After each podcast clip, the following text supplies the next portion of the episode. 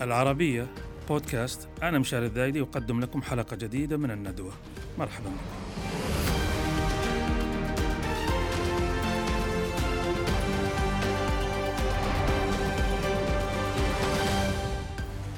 موضوعنا عن الفلسفة والفلسفة في السعودية على وجه التحديد.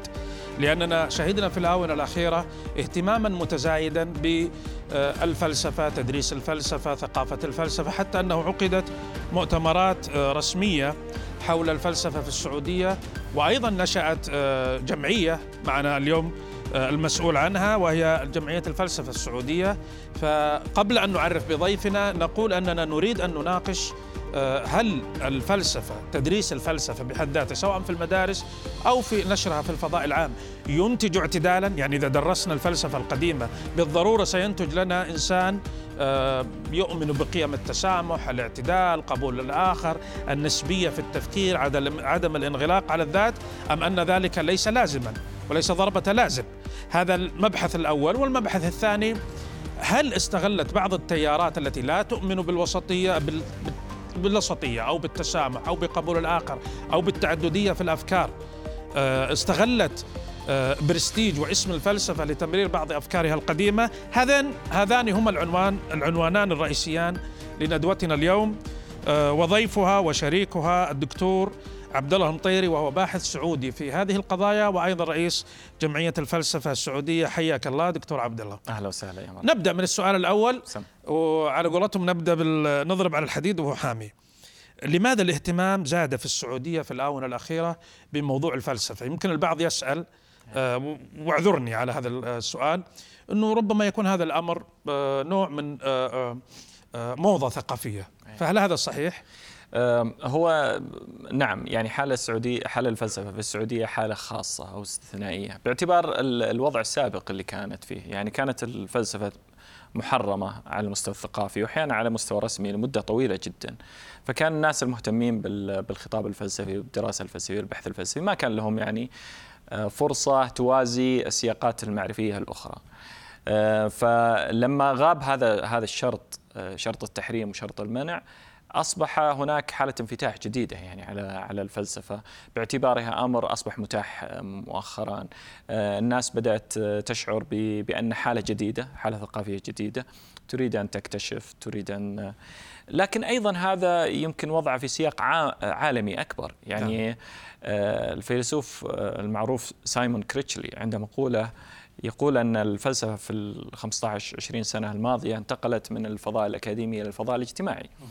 والعام الماضي لما آه، وزارة الثقافة عقدت مؤتمر للفلسفة آه، كانت أكبر ملاحظة الفلاسفة الذين قدموا أن هذا مؤتمر ليس مؤتمر أكاديمي ورغم ذلك كان المكان مليء بالناس يعني. والناس اللي يأتون من فضاءات مختلفة. فالوسط الثقافي السعودي والناس المهتمة يجدون في الفلسفة فضاء جديد. فضاء مختلف. آه، يعتقدون أنه آه، يمكن أن يساعدهم على آه، الإجابة على قضايا كثيرة. أحيانا بعضهم يريد لديه أسئلة وجودية. يريد أن يجرب دور الفلسفة فيها. بعضهم يبحث عن دور الفلسفة في مهارات مثل مهارات التفكير الناقد ومهارات السؤال لدى الأطفال. آه، بعضهم يريد أن يستكشف فقط وبعضهم يريد أن يضع القبعة الفلسفية ويريد أن يكون منتج للخطاب الفلسفي وباحث في الخطاب الفلسفي. وهذا هو يعني العنصر الأخير يمكن هو الرهان عليه إذا استمر في آه، على مدى طويل أن يكون منتج لخطاب فلسفي آه، محلي. نعم. ما هي معايير إنتاج الخطاب الفلسفي؟ بمعنى وحضرتك متخصص وتعرف هذا الأمر. لما نشوف الجدليات أو القضايا التي نعم. تثار في لدى فلاسفة الغرب نعم. العصور الحديثة لا نتحدث عن العصور القديمة صحيح أنها تبدو في بعضها في لا لدى بعض الفلاسفة ذات طابع تجريدي ونظري نعم. يعني بإمكانك أن لا تعرف من أي بلد نشأت صحيح. لكن عند التعمق لدى في بعضها تجدها تعالج قضايا مثلا النزاع بين الكنيسة والدولة النزاع بين العلم والدين آه، القوميات تعرف القوميات نشأت في أوروبا صحيح. فكرة التنظير للقوميات هل نستطيع نحن في سياقنا العربي وخليني أكون أكثر تحديدا في سياقنا السعودي. لأن السعودية كما تعرف اليوم أصبحت هي القيادة أو الليد أو مقدمة الركب اليوم في العالم العربي. أن تنتج فلسفتها الخاصة حقا وليس مجرد شعارات. نعم أنا أعتقد الخطاب الفلسفي بطبيعته يتفاعل مع أسئلة العصر وأسئلة الوجود وأسئلة الخبرة الإنسانية المباشرة. لكن يمكن امتيازه أو التحدي الكبير فيه هو أنه دائما يتوجه إلى ما يمكن تسميته بال بالقارئ العالمي أو القارئ الكوني، يعني أي خطاب فلسفي آه، حقيقي آه، يجد مقروئية في أي سياق ثقافي آخر. لهذا السبب مثلا لما اليوم نقرأ آه، محاورات لأفلاطون، أنا أقرأها مع طلابي في الجامعة، يعتقدون أن أفلاطون يتحدث لهم. رغم أنه يعيش في البيئة اليونانية ويعيش في إشكالياته، لكن لديه مستوى من التجريد ومن الوعي بالمشترك الإنساني لدرجة أن يتصل بالإنسان أينما كان بغض النظر عن سياقه الثقافي بغض النظر عن سياقه آه، سياقه التاريخي.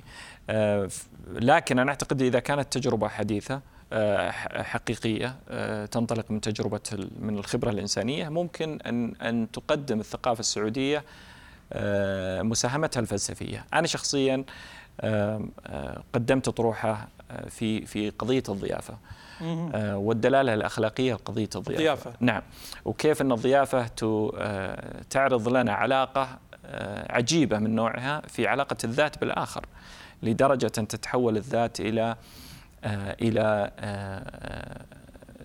يكون وجودها كامل غرضها الأساسي رعاية الآخر والعناية بالآخر. هذا هذا الموضوع له جذر عميق جدا في الثقافة السعودية، الثقافة الشعبية، الثقافة المحلية. تحديك كفيلسوف أن تصيغه بطريقه ممكن أن يقرا الياباني ويتصل به، ممكن أن يقرا الأمريكي ويتصل به، ممكن أن يقرأ.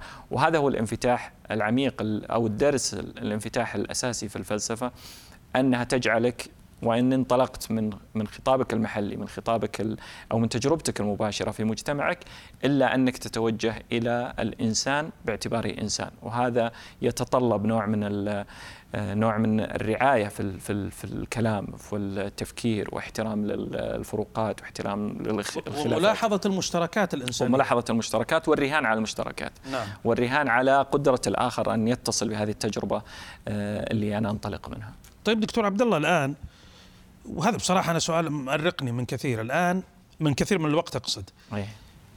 إذا إذا إذا درسنا الفلسفة ولنقل في في في مقررات التعليم أو حتى فرضناها في الفضاء العام مثل هالندوه ذي أو مثلا ندوات ثقافية هل هذا بالضرورة سينتج إنسانا متسامحا يقبل الآخر يؤمن بتعددية الأفكار وبنسبية المفاهيم أم أن هذا ليس شرطا لذلك؟ لا طبعا ليس ضرورة يعني ليس بالضرورة ليس شرطا لتحقيق فكرة التسامح وهذه وتقبل الآخر والنسبية الفكرية زي ما تفضلت.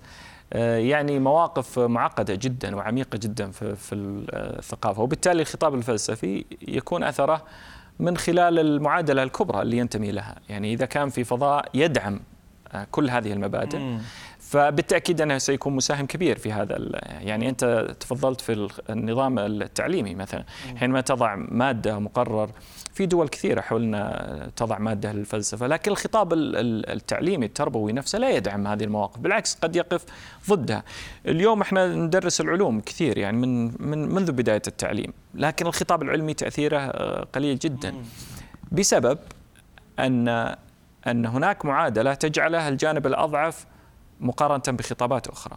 يعني لما يدخل أستاذ الفيزياء ويقدم خطاب فيزيائي أو تصور مثلا عن الطبيعة انطلاقا من العلم التجريبي ثم بعد ذلك يدخل عليه آه، يدخل على الطلاب بعده أستاذ آه، مثلا التربية الإسلامية اللي يأتي بخطاب مختلف لكن يأتي بسلطة أكبر لا توازيها سلطة العلم أو مشروعية العلم. وبالتالي يبقى الخطاب العلمي خطاب محدود وتأثيره محدود. هذا الأمر سيحدث أيضا عن الخطاب الفلسفي. إذا لم يكن له نفس الحظوة أو نفس الدور أو نفس التقبل أو نفس مع الخطابات الأخرى وأن آه، يحرص آه، راسمي السياسات التربوية أن آه، يرحموا الطلاب أو يرحموا البيئة التعليمية من صراع الخطابات داخل وهذا معناه كيف يرحموا من صراع الخطابات؟ أن يعني يتم تحييد الصرح التعليمي أو القاعة التعليمية من صراعات التيارات الموجودة في المجتمع؟ نعم أن لا يكون الطفل أو الطالب آه، محطة لصراعات الإيديولوجية الخارجية. أن تقدم له أساسيات المعرفة أساسيات الخطاب المواطن الإنسان الطبيعي الإنسان المتسامح مع الآخرين آه، تقدم له المعرفة الدينية في هذا السياق تقدم له المعرفة العلمية في هذا السياق تقدم يعني الخطوط العريضة اللي تحميه وتحميه من الصراعات الإيديولوجية وأن تكون خبرته التربوية خبره نعم. خبرة هادئة يعني تقصد إنه يوضع في الأساس زي المانيفستو أو صحيح. منهج ثم تصب في قوالب هذا المنهج كل المواد التعليمية الثانية، المواد الاجتماعية، التاريخية، الدينية، نعم. الأدبية، لكن لا لا لا تورد لوحدها وتحلق لوحدها هي صحيح. مربوطة بهذا الأمر، هل هذا حاصل؟ آه هذا في دعوة الآن لحصوله، في حركة لحصوله. آه، لكن لا أعتقد أنه تحقق بالكامل لكن الاتجاه العام هو في هذا الاتجاه. مم. وبالتالي آه، تعليقا على سؤالك الأول إذا توفر للفلسفة مانيفستو زي ما تفضلت عام واسع كما للعلوم الأخرى أنا أعتقد أنه آه، تستطيع أن تساهم صراحة نقطة مثيرة دي دكتور عبد الله. يعني أثارت لدي سؤال آخر. هل رؤية 30 2030 وهي رؤية عظيمة وهي التي تقود السعودية بل المنطقة بشكل كامل؟ ولها جانب فكري منصوص عليه في وثائق الرؤية وفي وفي حواراتها. لكن أنت بوصفك آه، مهتما بالفكر وفاعلا فيه. هل ترى مشروعا فكريا سعوديا ولو في بداياته اليوم يخدم المحتوى الفكري للرؤية؟ نعم آه، السعودية من المجتمعات الحيوية جدا على المستوى الفكري ومستوى يعني التطلع للمستقبل ويوجد لديها إمكانات وخبرات عالية جدا يعني وأعتقد إنه يعني مع الرؤية وإطلاقها توفرت مساحة مريحة جدا للعمل الفكري والعمل الثقافي والمشاريع الثقافية. وزارة الثقافة تقدم يعني مشاريع متعددة كبيرة لكننا لازلنا في بداية بداية المشوار. أنا شخصيا أحلم بأن يكون هناك آه، اهتمام أكبر بالدراسات الإنسانية. آه، لأن الدراسات الإنسانية اللي أقصد بها الفلسفة وعلم الاجتماع وعلم النفس والأنثروبولوجيا وكل الخطابات اللي آه، تتوجه للخبرة الإنسانية والفكر الإنساني والإرادة الإنسانية. هذه الخطابات مهم جدا أن يكون في السعودية مراكز حديثة متقدمة تحاول أن تستفيد من الخبرة الإنسانية بأكبر مكوناتها من خلال الباحثين والمهتمين في لكن هذا لم يوجد حتى الآن. أنا شخصيا أحلم بمثلا حاجة مثل المعهد العالي السعودي للدراسات الإنسانية. بس. يعني حاجة مثلا تستقطب نخبة المجتمع وتجعلهم في تواصل مباشر مع أيضا دكتور نعم وتجعلهم في تستقطب الخبرات أيضا برا. تجعلهم في تواصل مباشر مع الخبرات العالمية على أعلى مستويات. في العلوم الإنسانية لأن هذا متوفر لدينا اليوم في الصناعة وفي الاقتصاد وفي مجالات كثيرة جدا تقودها الرؤية. لكن أعتقد أن العلوم الإنسانية تبقى أساسية ومهمة جدا لأن النهضة لا تكتمل إلا بقضية الوعي وقضية الثقافة وقضية الفكر اللي يؤهل الإنسان ليس فقط في أدواته العملية بل في نظرته ومنظوره وتصوره للحياة وتصوره للمستقبل وتصوره للمجتمع. هذا اللي اللي هو يمكن من أكثر مجتمعات العالم اليوم آه، حراكا وتغيرا وحيوية وتحول وشباب يقودون متطلعين كلهم. يعني السعودية اليوم مليئين بالأمل. يعني هناك أمل آه، كبير جدا ورغبة حقيقية في في الحركة.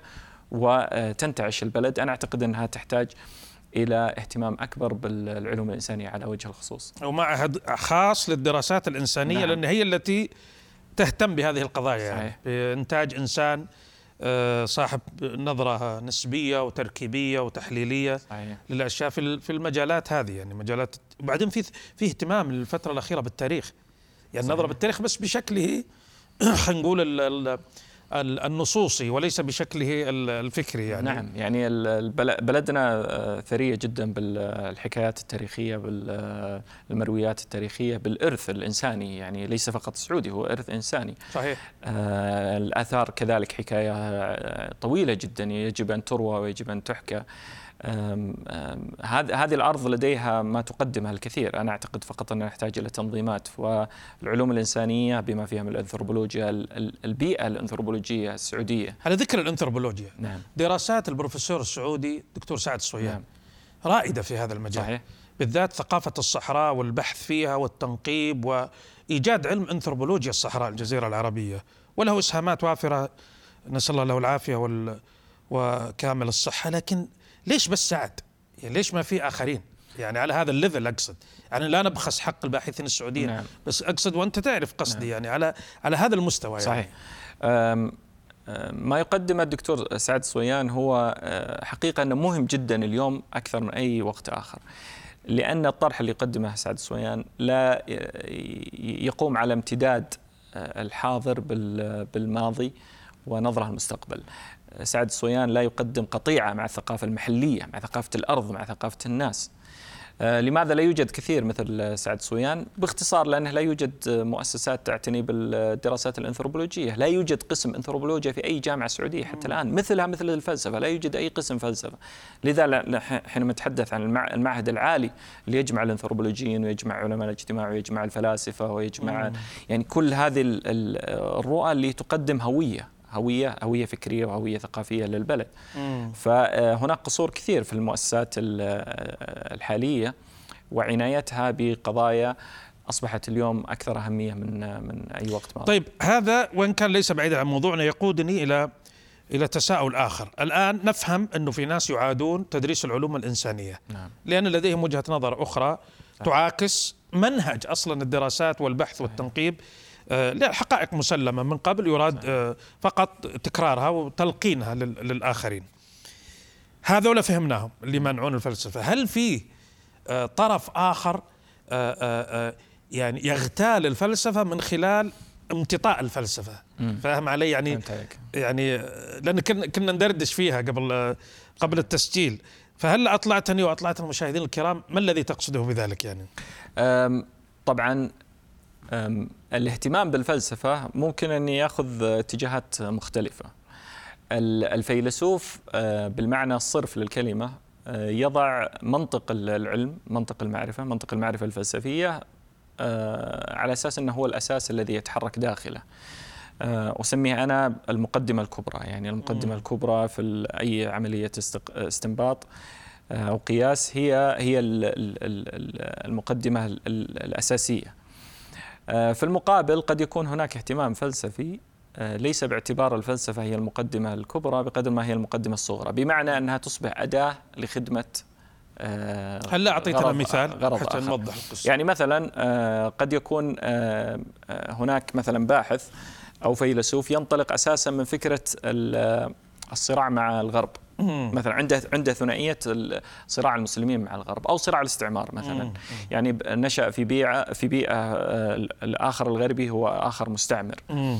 آه، ثم آه، أصبح مشروعه كيف يمكن تقديم مشروع نهضوي انطلاقا من الصراع مع المستعمر. مم. تكون الفلسفة هنا هي أداة لتحقيق هذا الغرض. مم. وبالتالي هي تصبح حقيقة خادمة لمشروع يعني إيديولوجي أكبر. موجود مسبقا. بالضبط. هذه الصورة ستكون واضحة جدا لو كان أحد يريد أن يستخدم الرياضيات لمحاربه المستعمر أو فيزياء. الفيزياء. لمحاربة المستعمر أو لمحاربة الكفار. إحنا مر علينا تجارب كثيرة لمحاولة أسلمة العلوم الإنسانية. أيوة يعني صحيح. مثلا علم النفس الإسلامي علم الاجتماع الإسلامي علم الاقتصاد الإسلامي. علم الاقتصاد الإسلامي الأدب الإسلامي. آه، كل هذه المشاريع فشلت لأنها لا لا تستجيب للمنطق الأول اللي هو منطق العلم نفسه العلم ذاته. الرياضي حينما يدخل في بحثه الرياضي يجب أن يضع آه، قبعة الرياضي فقط عالم الرياضيات. أي أغراض أخرى تعتبر هامشية وجانبية ممكن يستثمرها أحد آخر إلا هو. هذا الأمر هذا الأمر أنا أعتقد إنه يفصل بين الفيلسوف بالمعنى الصرف للكلمة وبين من يستغل الفلسفة لغرض آخر. مم. من يستغل الفلسفة لغرض آخر لا يضع قبعة الفيلسوف ويضع قبعة أخرى مم. ويستخدم أدوات فلسفية داخلة. وبالتالي ممكن أن تمر داخلها الصراعات القديمة، الصراعات التقليدية، العداء للآخر، اختزال الآخر، المسلمات التي لديها المسل... يعني. نفسها تتسرب من نفس الخطاب اللي يقدم بأدوات فلسفية بس هذا يبدو أنها أصبحت إحنا قلنا في بداية الحديث موضة لدى لا هي ما يبدو أنها أصبحت موضة لدى التيارات الإسلام السياسي اليوم نعم. يعني يقدمون أسماء من المغرب العربي ومن غيرهم على أساس أن هؤلاء منتهى آه نهاية إقدام العقول نعم. يعني وهم المصدر للفلسفة يوجهون تلامذتهم بهذا الصدد أو مريديهم من أراد الفلسفة فليذهب إلى فلان الفلاني أو إلى كتب فلان الفلاني في حين أن الأمر كما تفضلت ليست إلا توظيف و وتحويل الفلسفة إلى أداة لخدمة آه، أجندة آه، معينة. صحيح. هل وصل هذا الأمر لدينا في نعم نعم. هو هو موجود طبعا موجود وبقوة. وأعتقد أن الرهان الحقيقي هو على آه الآن باعتبار أن الساحة السعودية تخففت كثير من الصراعات الإيديولوجية أقصد مثلا الناس اللي يشتغلون مثلي في الفضاء العام نعم. آه، أصبح الضغط الإيديولوجي أقل أقل بكثير مم. وهذه فرصة لاستقطاب أهل العلم وأهل المعرفة نعم. بمعنى الناس الذين آه، يبحثون آه، أو يقدمون على علوم معينة لشغفهم الحقيقي بهذه العلوم مثل ما أنه أقسام الرياضيات تستقطب نعم. الناس اللي عندهم العقلية شغف الرياضية الرياضيات. شغف الرياضيات هؤلاء هم الرهان عليهم. أنا أسميهم أهل الكار يعني أهل الكار. أهل الصنعة. أهل الصنعة اللي يحبون الصنعة لذاتها. أيوه. وهؤلاء حقيقة باعتبارهم خارج هذه الصراعات يكونون مخلصين لمنطق المعرفة أيوه. نفسها وينتجون. ثم بعد ذلك يمكن استثمار إنتاجهم. صحيح. لكن العكس الذي يأتي للعلوم هذه وهو يريد أن يخدم هدف مسبق هو الحقيقة يفسد هذه العلوم ويفسد التجربة نفسها. ولا يمكن يعني لن يثمر بناء بناء. في المستقبل آه، فأنا أعتقد أن الساحة السعودية اليوم آه، عندها فرصة وهذا ما توفر في التجارب العربية صحيح. كثيرة لأنها كانت مليئة بالصراعات الإيديولوجية، الصراعات الإيديولوجية تحكمها، حتى تشوف أحيانا بعض عناوين مؤتمرات الفلسفة كأنها حروب صحيح. أحزاب صحيح. يعني أحزاب سياسية صحيح. وليست مؤتمرات صحيح. فلسفية حقيقية. الحقيقة موضوع مثير وفي فلسفة جميلة والفكرة اللي طرحتها صراحة أنا راقت لي كثيرا ونتمنى أن تجد أذنا صاغية انشاء معهد سعودي للدراسات الإنسانية. هذه آه، فكرة مهمة من ضيفنا الدكتور عبد الله المطيري رئيس جمعية الفلسفة السعودية. أشكرك جزيل الشكر وأشكركم آه، أنتم اليوم آه، وأشكركم لمتابعة تفلسفنا في حلقة اليوم وإلى اللقاء.